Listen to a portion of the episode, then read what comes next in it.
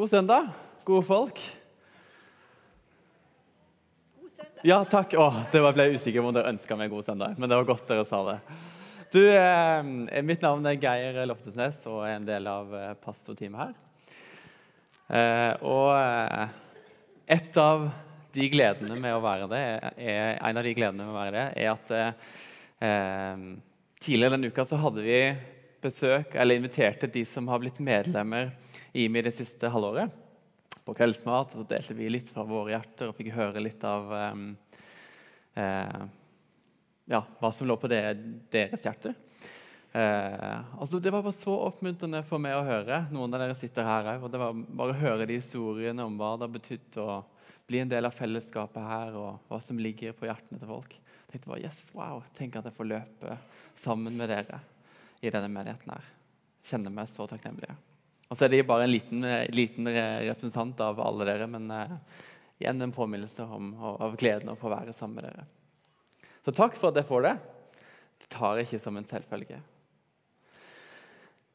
Um, vi er, skal gå inn i en ny, spennende taleserie som vi har valgt å kalle Alt ditt med strek over mitt. Ja, Vi kaller den ikke alt det, liksom. Alt mitt. Nei, ditt strek over mitt, men vi kaller alt ditt. Og så er det liksom i det grafiske takk, strek over mitt. Og det har vi gjort et poeng ut av. Um, fordi alt det vi har blitt gitt, alt det vi har, det har vi fått fra Gud. Og det skal vi få lov til å forvalte. Um, og litt sånn spoiler alert vi kommer til å snakke om penger. Eh, men gled dere til det. Det blir bra. Det har jeg gledet meg til. Eh, og til de av dere som syns at dette her er litt sånn utfordrende å, å høre taler om og undervisning om penger, så har jeg lyst til å si at eh, jeg vet at, at alle kristne ledere ikke alltid har en sånn track record som har vært fylt av masse visdom og uten kun rene hensikter. Eh, og På vegne av de så har jeg lyst til å si beklager. Det, det, er ikke noe vi ønsker. Det er ikke noe vi her i Mye kirke ønsker. Eh, og kanskje er jeg òg kommet til å si ting som noen reagerer på, eller andre av de som taler, kommer til å si noe som noen reagerer på, kanskje tenker litt unyansert, eller kanskje du ville formidla det litt annerledes osv. Um, ehm, men vær så snill, ikke kast babyen ut med badevannet, som det heter. Det vi egentlig ønsker med denne taleserien, det er og det tror jeg det skal tydelig komme fram eh, i løpet av denne taleserien, og det er at vi ønsker å invitere dere med på en prosess hvor målet er at vi som menighet skal kunne få leve enda mer i frihet når det gjelder penger. Og hvem vil ikke det? En eh, eh, norsk bibeloversetter som hadde fokus på Nytestamentet, ble spurt eh, hva, hva, liksom, hva, eh, hva, ble du, du, mest sånn satt ut av eller overrasket over når du hadde så mye, spent, eller, brukt så mye av livet ditt på Nytestamentet? Hva har gjort inntrykk på deg? Og Da svarte han det er hvor mye og hvor alvorlig Jesus snakker om vårt forhold til penger. Interessant. Og så har jeg hørt sånne ting blitt sagt opp igjennom liksom at Jesus snakka mye om penger. og sånne ting, så jeg tenkte sånn, Tja, gjorde han egentlig det? Og så har jeg blitt litt sånn overraska, for når jeg har eh, liksom begynt å fokusere litt på det, så, ja, faktisk så stemmer det. Jesus snakker mye, og han snakker alvorlig om penger. Så hvis Jesus snakker mye og alvorlig om det, så er det kanskje grunn til å gjøre òg det i et av verdens rikeste land. Vi kan ikke være tause når Jesus ikke var det. Og Verken du eller jeg ønsker å bli frarøva muligheten til å leve et liv i frihet når det gjelder dette. her. For å sitere Christian Kopperud i Side om side. Akkurat det der med å være taus om penger det er noe av det dummeste du kan gjøre, Pettersen. Nei, han sa ikke akkurat det, men han kunne sagt det. For det er ikke lurt å være taus om det. Og vi, vi De som har sett Side om side, syns det var morsomt. Det er kanskje ikke alle som har sett det, men jeg vet ikke om jeg skal anbefale oss igjen her. Kanskje jeg skal det, kanskje ikke. Men vi kommer til å bli utfordra gjennom den salserien. Men det ble Jesus òg, og det er ikke farlig. I Matteus leser vi om en gang fariseerne ville prøve å fange Jesus i de ordene han sa. Eh, og de spurte han er det tillatt å betale skatt til keiseren eller ikke. Og Både et ja her og et nei her hadde vært problematisk for Jesus å sagt ut ifra den kulturelle konteksten. Så nå, sant, når det funnet spørsmål, så nå, nå, må du si ja eller nei. vi har dere liksom, Nå skal vi fange deg i ordene dine. Og så sier, eh, svarer Jesus med å vise, eller snakke om en, en, eh, en mynt. Og så spør han eh, Hvem er det som er bilde av, eller hvem er det som er avbilda på den mynten? Vi har jo, har mynter hvor det er kongen som er på mynten. I hvert fall 20-kroningen. Ja, stemmer. um, og så svarer de, selvfølgelig, for det er jo bilde av i den tida, keiseren på den uh, mynten. Og da svarte Jesus de. Så gi keiseren det som tilhører keiseren, og Gud det som tilhører Gud. Et lurt svar. Så på den ene sida skjønner vi at eh, eller vi, vi lærer, det lærer oss noe om at eh, vi ønsker å være redelige som kristne. Vi er kalt til å være redelige, vi er kalt til å betale skatt. Ikke snylte på skatten. Vi ønsker ikke å eh, betale svart for svart arbeid eller altså, kjøpe tjenester svart osv. Ønsker å være redelige. Det, det tilhører myndighetene, det som de skal ha. Men på den andre sida så sier Jesus òg at penger, det er ikke Guds rike valuta.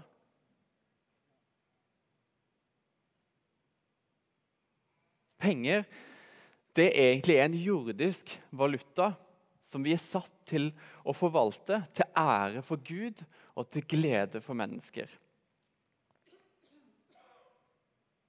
Og Hvis ikke dette her er Guds rike valuta, hvis ikke penger er Guds rike valuta, så forteller det òg oss noe dypere. Gud er egentlig ikke opptatt av pengene i seg sjøl, men noe som stikker langt dypere, og det er hjertene våre. Og Derfor sier han i Matteus 6, vers 19 Dere skal ikke samle Dette forteller han altså til disiplene sine som en del av bergprekenen. Dere skal ikke samle skatter på jorda, hvor møll og mark ødelegger, hvor tyver bryter inn og stjeler. Men dere skal samle skatter i himmelen, der verken møll eller mark ødelegger, og tyver ikke bryter inn og stjeler. For der skatten din er, der vil òg hjertet ditt være. Og litt videre. Ingen kan tjene to herrer. Han vil hate den ene og elske den andre. Eller holde seg til den ene og forakte den andre. Dere kan ikke tjene både Gud og mammon. Og Mammon det er altså et aramesk arameisk ord for penger eller formue eller eiendom. Og her blir det en personifisert, eh, en personifisert makt. Så vi blir satt på valg. Det er et enten-eller. Det er et enten-eller som kristen. Det er ikke en sånn 60-40-fordeling hvor ja, mesteparten er Gud, altså, men det er en god del tillit til mammon òg. Men, men, du er liksom på førsteplass. Det er ikke 90-10 heller, men det er faktisk enten-eller Og Det understreker også historien om den rike mannen som, som, ønsker å følge Jesus. og spør Jesus du, jeg vil følge deg, fortell hvordan jeg kan gjøre det. Så begynner, eh, begynner, Jesus å fortelle noen av de viktige tingene. Og så sier han vet du hva, det har jeg gjort. liksom, Jeg er kjempeflink, jeg er så god til å følge deg. Og så sier, ja, nesten, og så sier eh, eh, Jesus da dette her. Én ting mangler du. Gå bort og selg alt du eier, og gi til de fattige. Da skal du få en skatt i himmelen. Kom så og følg meg. Og så vet flere av oss at han valgte å gå derfra bedrøva bort. Og Det kan jo være et spennende tankeeksperiment for flere av oss. Hva hadde vi svart på denne utfordringen der? Den er ganske heftig. Og Det kan nesten være litt lett og nesten litt sånn fristende å høvle bort spissformuleringer litt, sånn at det ikke blir så treffer så liksom, eh, hardt på. Kanskje finne noen gode måter vi kan tenke om det. og sånne ting. Og kanskje det skal være tid for å gjøre det, teologisk sett osv. Men hvis vi lar de ordene stå der, hva betyr egentlig det? Det var jo Jesus sine ord. De var ikke høvla ned. Hva betyr det? Hva hvis vi hadde blitt utfordra på det samme? Og Hvis ikke vi tør å utfordre oss sjøl, er jeg redd for at vi liksom nesten eh, bedrar oss selv. Vi gir ikke muligheten for Gud til å, til å utfordre oss på en slik måte at vi kan bli satt i frihet. Og det er det som er målet. Kanskje du tenkte oi, det var litt en sånn heavy start på denne talen. det var mye sånne utfordrende ting her. Men det er en god grunn til det. Det er noe godt som kommer ut av dette. her. For La oss konkludere med, med, ut fra det jeg har sagt nå, og, og si noe av det første poenget som jeg ønsker å formidle i dag. Og det at vi er kalt til å ha fullt ut, fullt og helt vår tillit til Gud.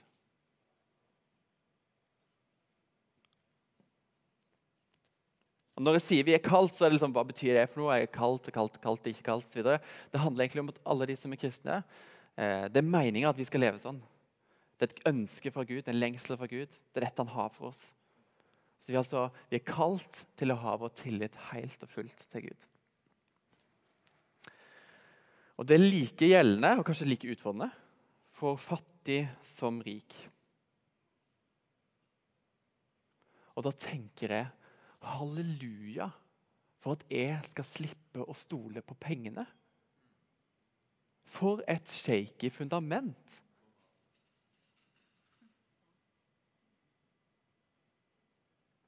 Der har jeg ikke lyst til å ha min tillit. Og I nettopp dette her så ligger det en, en invitasjon til å kunne leve bekymringsfritt. Uten bekymringer.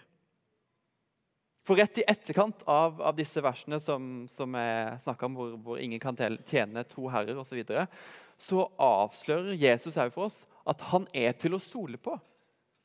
Og Han peker mot naturen. På samme måte som, som, fugler og planter vokser opp og får det de trenger. Hvor mye mer er ikke da dere verdt enn dette her? Og Derfor kan stole på at dere får alt det dere trenger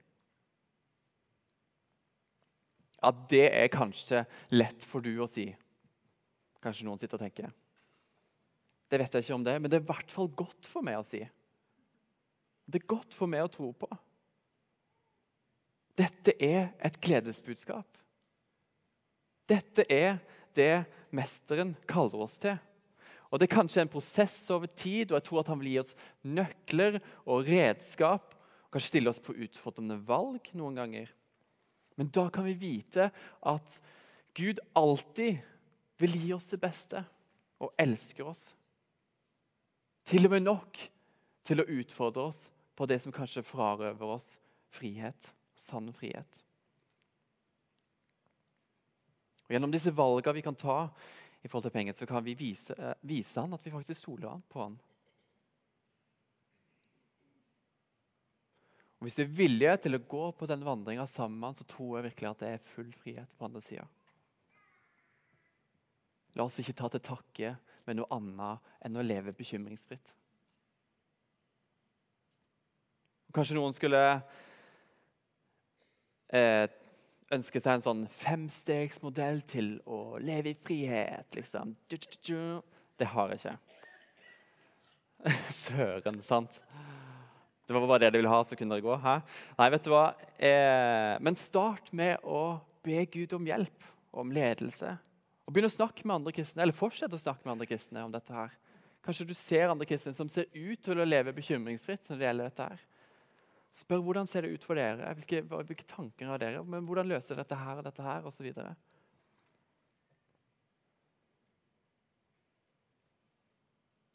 Jeg tror det er en god del av oss som har eh, misforstått et bibelvers om at penger er roten til alt ondt. Det er egentlig feilsitert. For det står at eh, for kjærligheten til penger er roten til alt ondt. Drevet av den er mange ført vill, bort fra toa, og har påført seg sjøl mange lidelser. Andre ord, penger er ikke vondt. La det være tydelig. Men kjærligheten til penger er det. Tilliten til penger er det. Det er ikke sånn at Gud nekter å ta i et eller annet med penger, nekter å forholde seg til det som har med penger å gjøre. Ikke det hele tatt. Men drevet av kjærlighet så nekter han å se kroppen sin, altså oss, oss kristne, være bundet av penger. Så penger i seg sjøl det, det, kan egentlig være det er nøytralt. Altså det, det, kan òg bety noe godt. Det kan ha, ha, ha visse muligheter osv. Pengene kan ha betydning. Og det eh, er det andre punktet. Vi er kalt til å bli leda av ham òg på dette området. Én ting er å forstå at uh, alt det du har blitt gitt, det, det har du blitt gitt av Gud, og det, det tilhører egentlig Han. Men skal du òg forvalte det som er hans, så må du vite hva han vil. Og skal du vite hva han vil, så trenger vi å leve nær han. trenger vi snakke med han om dette her. Spørre han om dette her. Og jeg vil bare si at Penger òg er meint til å være en del av vår relasjon med Gud. Det er ikke noe som, som vi holder, holder på sida av Gud. Men en del av vår vandring sammen med Han. Og vandring etter å følge etter Han. En av de mer eh, Jeg spurte kona mi var, hvilken, hvilken sånn, eh, historie om penger som Jesus eh, eh forteller, er din favoritthistorie. Og da sa hun den samme historien som meg. Woo! Meant to be! Yay! Og det er denne her. og det, det, er den historien når eh, Jesus eh, eh, Eller når Peter blir konfrontert med hvorfor ikke Jesus betaler tempelskatt. Og før, altså Peter er et sted og blir utfordret på dette. her, og Så går han til Jesus, og før han har kommet liksom, fram til Jesus og rukket å stilt det spørsmålet, så kommer Jesus han i forkjøpet, as he does.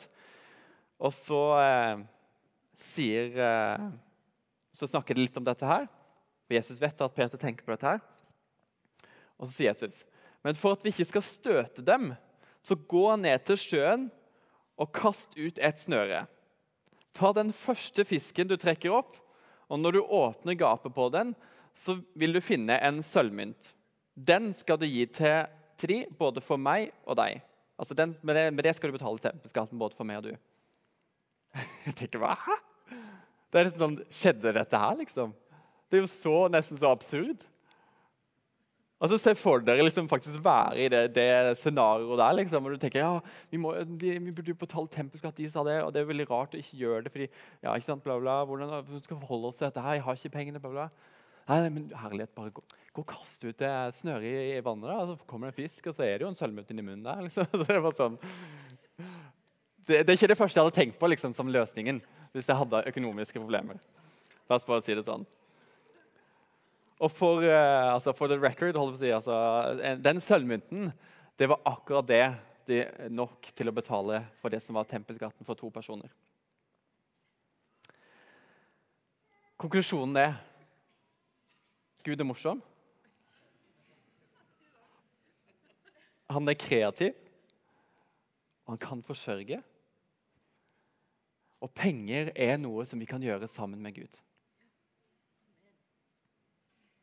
Penger er noe vi kan snakke med Gud om.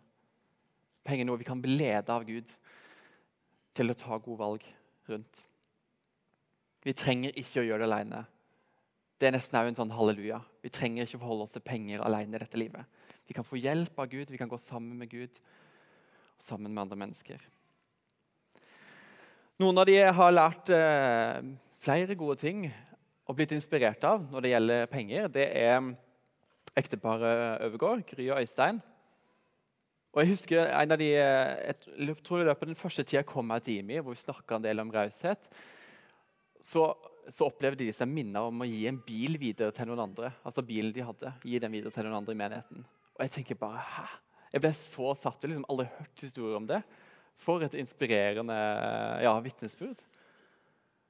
Radikalt valg. Men, men, Det var bare en av de eksemplene. Men eh, han, eh, Øystein fortalte òg, jeg tror det var for et par uker siden, at eh, når bilen ja, nå var det bil her, men annet, en annen gang, når bilen ble ødelagt, så var det sånn, da gikk, de, da gikk han til Gud og sa ja, men bilen din er ødelagt. Gud. Hva har du tenkt å gjøre med dette her? Jeg tenker Det var et så kult perspektiv. Det er så fort å liksom ende opp med liksom, ok, shit, regningen er, hvordan skal jeg få det til å henge sammen. Og, så og så går det faktisk an å gå til Gud med det. Ok, Gud, jeg tror at du, du har velsignet meg, du har gitt dette her. Hva gjør vi nå? Hvordan løser vi det? Hva gjør du nå, Gud? Hvordan løser vi dette her? Hva vil du jeg skal tenke rundt denne situasjonen? Og så videre. Vi kan tenke at noen ting er Guds ansvar og ikke vårt. Vi kan stole på at han vil lede oss. Og jeg tror også Av og til så vil han utfordre oss til å ta noen valg som kanskje ikke gir mening. Det går ikke helt opp, det henger helt sammen. Kanskje noen ganger veldig radikale valg når det gjelder penger. Og så kan du se på framtida, så, bla, bla, så er det vanskelig å forholde seg til. Og videre. Kanskje han vil utfordre deg på andre ting som er utfordrende. Men jeg tror at han vil lede oss. Og så har Jeg bare lyst til å si litt sånn i parentes, altså jeg oppfordrer overhodet ikke til å liksom sette deg sjøl masse gjeld eller ta helt ukloke valg helt i, ja, sånn bare for å gjøre et eller annet. Altså Det handler om, om å leve nært Gud og lytte deg inn til hva som ligger på hans hjerte. Hva er, det han, hva er det han drømmer om? Og det eh, har vært viktig for meg òg. Når jeg har eh, jeg, liksom, jeg, husker det var en gang eller jeg husker ikke så veldig godt, men jeg husker eh, det var en gang for en stund siden det var en sånn tale som var som snakka om at eh, skriv ned 100 drømmer for livet ditt. Og det har jeg begynt å gjøre. Jeg har ikke kommet helt til 100 ennå. Men det er en gøyal utfordring. Liksom, hvilke drømmer har jeg for livet sammen med du, Gud? Og Da er bl.a. penger en naturlig del av, av, flere av de målene der. Eh, så jeg har skrevet flere drømmer eh, om penger for livet mitt sammen med Gud. Blant annet, en av de er at jeg ønsker tydelig å bli leda i forhold til et, et spesifikt område når det gjelder penger. Eh, tiden eh, som et bibelsk prinsipp, eh, altså det at vi gir 10% en tidel, av alt det vi har av inntekt, gir vi tilbake til Gud. Ved, ja, først ga de til tempelet, eh, altså i Gamle testamentet. Nye testamentet så ga de til kirka og fattige osv. Um, og gjerne meg enn tinden. Eh, men um, det er jo det er noe som jeg og Andrese, kona mi, har snakka om. Hva drømmer vi om i forhold til det? Og En av de drømmene der er at vi, vi har lyst til å gi gradvis mer og mer til Gud gjennom hele livet. Og stadig bli utfordra på dette her. Og Kanskje du har andre ting som du drømmer om for ditt liv når det gjelder økonomi og penger. Snakk med Gud om det, og del gjerne med de andre som er naturlig for, for deg å dele om. fordi det, det inspirerer oss. Det gir oss bilder av hvordan det ser ut. På samme måte som Jesus ikke er taus om dette. her. Ikke la oss være tause om dette. her. La, la oss skape en kultur hvor det er naturlig å snakke om. Både for å dele bekymringer som vi måtte ha med det, så ikke du sitter med det alene. Men òg dele bilder av hvordan det ser ut for du å gjøre det. Og forholde deg til penger på en god måte. OK, går det greit? Ja? La oss uh, gå til det um, eh, siste poenget for, for, i dag. Og det at vi er kalt til å forvalte raust og takknemlig. Der var det mange gode ord i én setning. Vi er kalt til å forvalte raust og takknemlig. Og La meg bryte det opp med å starte først med, med ordet 'forvalte'. Vi er kalt til å forvalte verbet, gjøreordet. Alle må forholde seg til penger på en eller annen måte. Vi kommer ikke utenom det her i livet. her. Enten vi er fattige eller ikke. Vi, vi, må på en eller annen måte forholde oss til penger. Som jeg sa Den rike mannen ble utfordra enten man er rik eller fattig. Og jeg tenker kanskje, eh, kanskje noen kjenner her at, eh, eller vi kjenner folk som enten er del av denne menigheten eller ikke, som sliter med det som har med penger å gjøre. Og så kan du si ja, men forvalte, liksom. De har jo ikke så mye å forvalte. Hva, hva gjør vi da for noe? Her er de tynga av gjeld. Kanskje de ikke tør å åpne regning engang som kommer i posten, fordi det er så mange utfordringer knytta med det. Så kan du lett for du å si at bla, bla, vi skal ikke bekymre oss og eh, stole på Gud osv.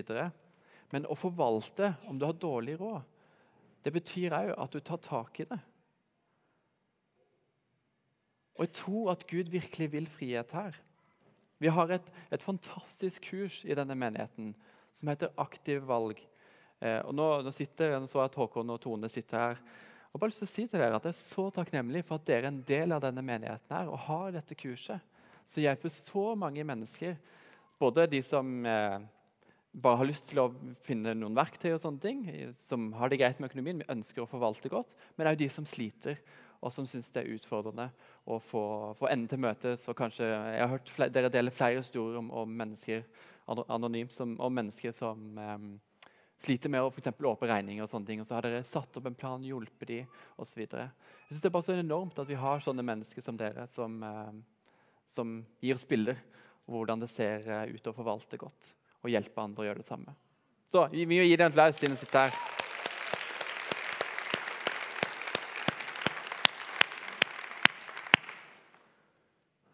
Og det Eh, forvalterskap og det å forvalte godt, om du har lite, det handler òg om å ta tak i problemet ikke sant? eller utfordringen.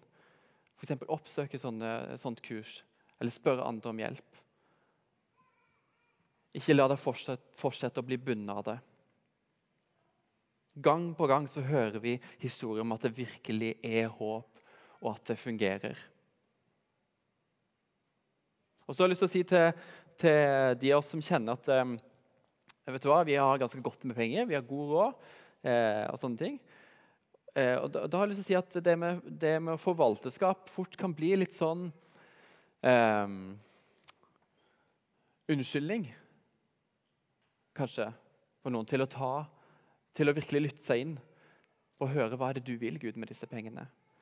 Kanskje vi tenker at, eh, eller Det er lett å tenke at vet du hva, jeg forvalter godt, og det jeg, jeg skal gjøre sånn og sånn. og sånne ting, Men, men jeg har lyst til å utfordre på ok, det kan godt være du gjør det, men, men har du med Gud i det? Kanskje han vil, han vil gjøre en annen ting. Kanskje forvalterskapet i møte med han ser litt annerledes ut enn sånn det ser ut at du forholder deg til penger akkurat nå. Sånn at ikke forvalterskap blir en sånn forestilling som vi gjemmer oss bak. Vi trenger alle å bli ledet av Gud. Sånn at ikke vi bygger vårt rike, men hans rike. Altså, For all del, jeg sier ikke at det er galt å ha mye penger. Det, det, er ikke bibelsk med det. Ingenting bibelsk med det. Men det krever en ekstra varsomhet på hva det kan skape i oss. Ok, La oss gå videre til neste ord.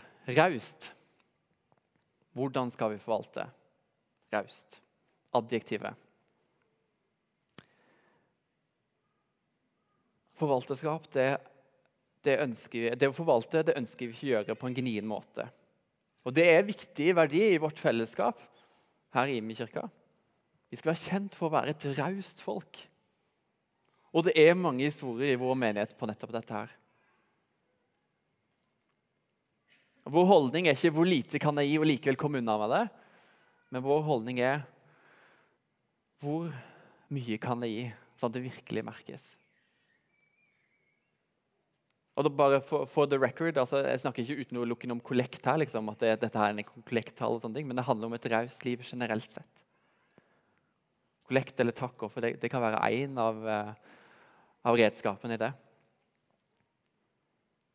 Men vi ønsker å tenke hvor, hvor mye kan det gi? Og ikke minst i møte med hverandre som brødre og søstre. Vi tenker og vi ønsker å tenke at fellesskapet vårt er som en familie. Og Det gjelder òg dette her. For midt i vårt fellesskap så kan det være folk som strever økonomisk.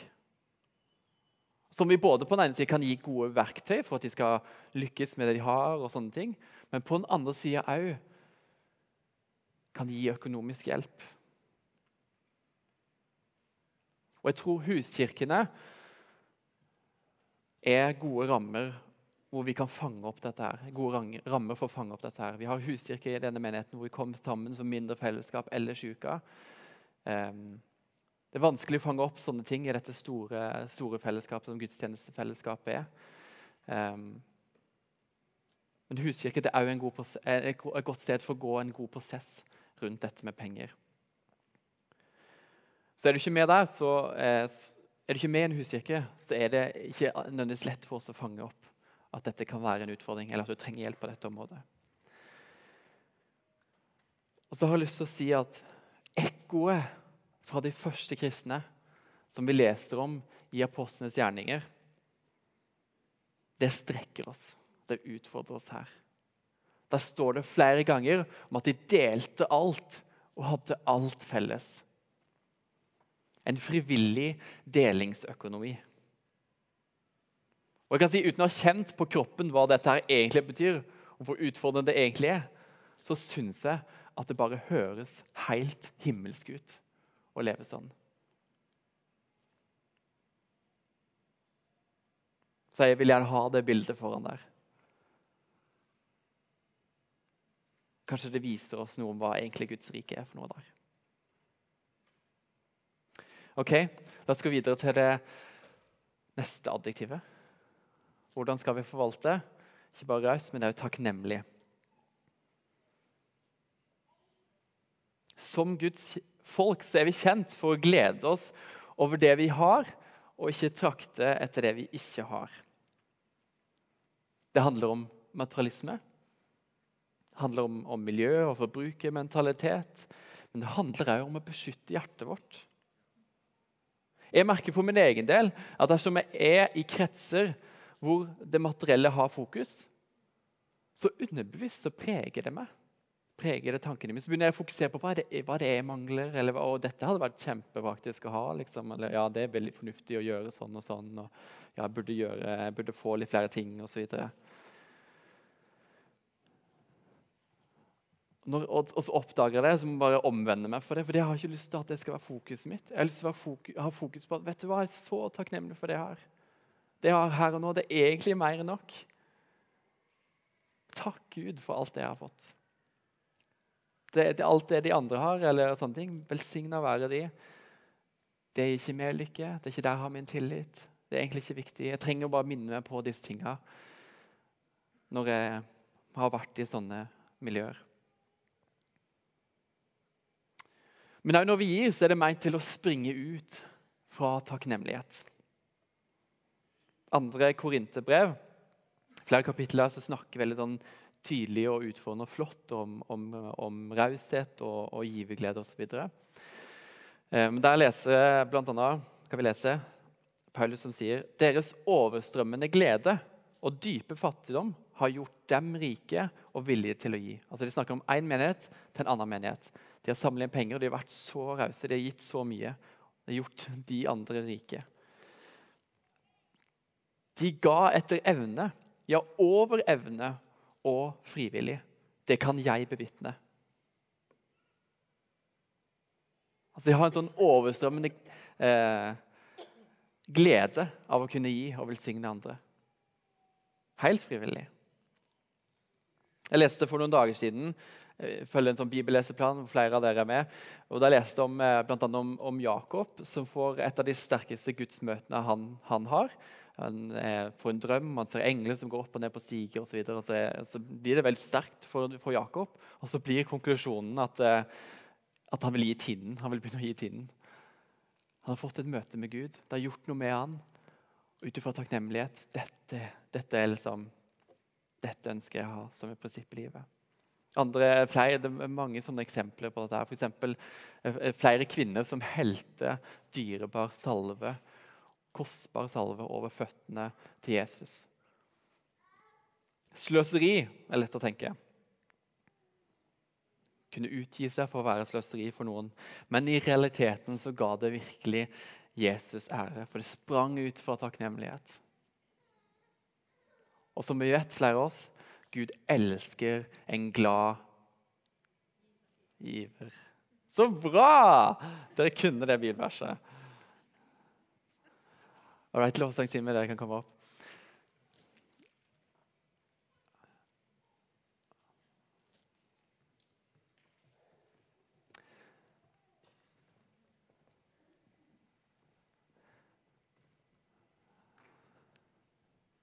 Noe av det jeg tenkte på når jeg skulle oppsummere litt om dette, dette har jeg snakka om, og dette er noe av det jeg vil ha fokus på, så var det nettopp dette her at Gud er ikke en businessmann, men han er en far.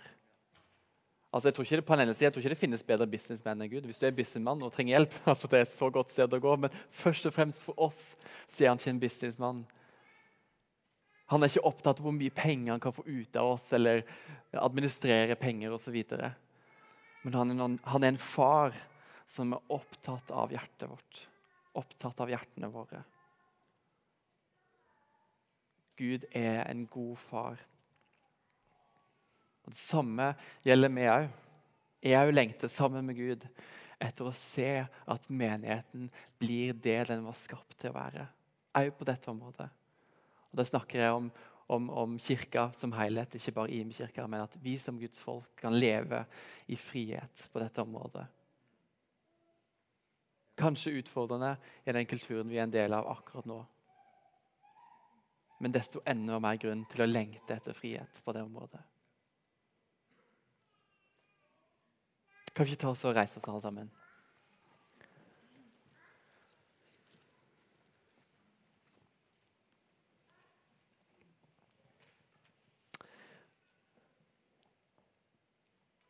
Var to uker siden vi hadde um, Åpen himmel-konferanse her. Og En av de tingene som uh, David Wagner satte ord på, som han opplevde var for Gud, var at um, vi trenger å forholde oss til penger som om det ikke er et problem. Han sa det til oss som menighet. Og han, han brøyt frykten for penger og frykten for ikke å ha nok. Det var noe han, han ba ut, som, som, han opplevde lå på Guds hjerte. Kanskje det er, en, det er en spesiell tid for oss hvor dette her kan få fokus i våre liv. For noen eh, eh, år tilbake så opplevde vi, så hadde vi litt sånn utfordrende økonomisk i menigheten her. Eh, og vi tok tak i det, og sånne ting, men vi opplevde jo at eh, vi skulle begynne å gi alle kollektene som vi samla inn, alt det takkeoffer vi fikk inn, alle de pengene vi fikk inn her, på dette huset, skulle vi bare begynne å gi ut. Det ga ikke mening, men vi opplevde at, at når vi gikk, gikk, i tro på det, fordi Gud hadde ledet oss til det, så førte det til velsignelser på helt nye måter for dette huset her. Og Jeg tror vi har tatt mange gode steg på dette området som menighet, men vi er ikke utlærte. Og jeg opplever nå at eh, med tanke på det David sa for et par uker siden, og det jeg sjøl kjenner på, at eh, som menighet så utfordrer vi oss til å ta nye steg og nye radikale valg når det gjelder penger. Jeg vet liksom ikke helt hvordan dette her ser ut. og ja, Jeg har ikke sånn veldig tydelig bilde av det, men, men, jeg kjenner bare jeg har lyst til å være med. Jeg har lyst til å være med sammen med dere på dette området. Jeg har lyst til å gå denne veien sammen med dere. Så tror jeg det ser forskjellig ut fra familie, familie til familie, til, fra person til person. Men jeg tror det blir en spennende vandring. For all del, jeg tror ikke at jeg har fanga dette her eller har fulle bilder av, av, disse tingene. Jeg tror ikke jeg har grepet det, som Paulus sier, men, men jeg tror bare det er meg land å innta her. Jeg vil være med på denne vandringa. Å stole på Gud og ikke ha tillit det, eller, det å stole på pengene og ha tillit til penger, det er et shaky fundament. Nå skal lovsangteamet begynne å spille litt i bakgrunnen. Vi skal lede oss i en sang som heter 'Build My Life'. Som handler om å bygge livet våre på en, et fundament av Guds kjærlighet. Måtte livene våre ikke være bygd på et shaky fundament som handler om penger, og det å ha tillit til det. Stole på at det, det er det vi trenger i livet. Det er det som gjør oss lykkelige. Det er det som er viktig. Men måtte vi kjenne at vi står trygt og godt på det fundamentet som Gud vil gi oss. Så kan vi ikke ta oss og rekke ut eh, hendene som vi skulle ta imot en gave. Så jeg har lyst til å bare be litt eh, over oss. før vi går inn i den eh, lovsangen.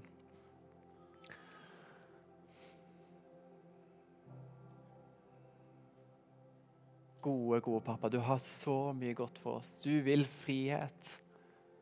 Du vil at vi skal leve i frihet på dette området. Og du vil Du, du kaller oss som menighet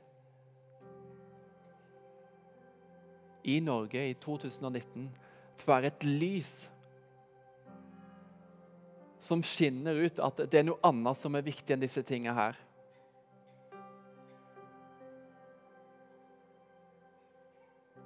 Jeg opplever bare vi minner om at eh, vi er et annerledes folk. At det faktisk skal merkes for folk rundt oss at vi tenker og forholder oss annerledes til dette. Og jeg tror at folk vil se de gode gjerningene våre og prise vår far, som det står i Bibelen.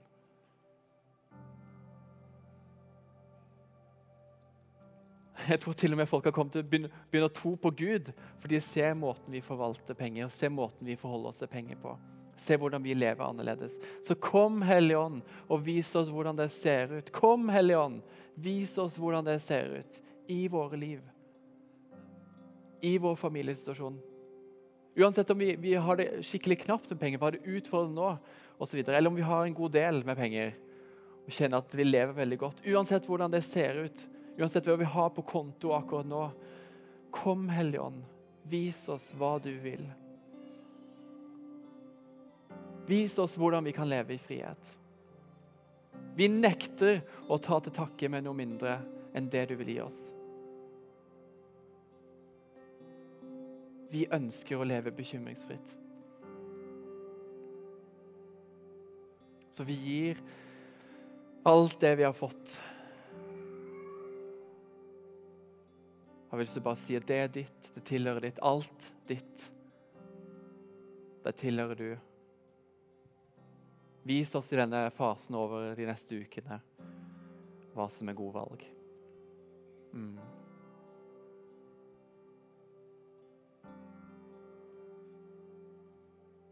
Og jeg bare kjenner meg mine. Jeg skal bare si dette her igjen, at du er ikke alene. Du er ikke alene. Du står ikke alene rundt dette her. Du skal ikke finne ut dette her på egen hånd. Gud vil virkelig være med, og vi er en menighet som har lyst til å være med sammen med deg. Mm.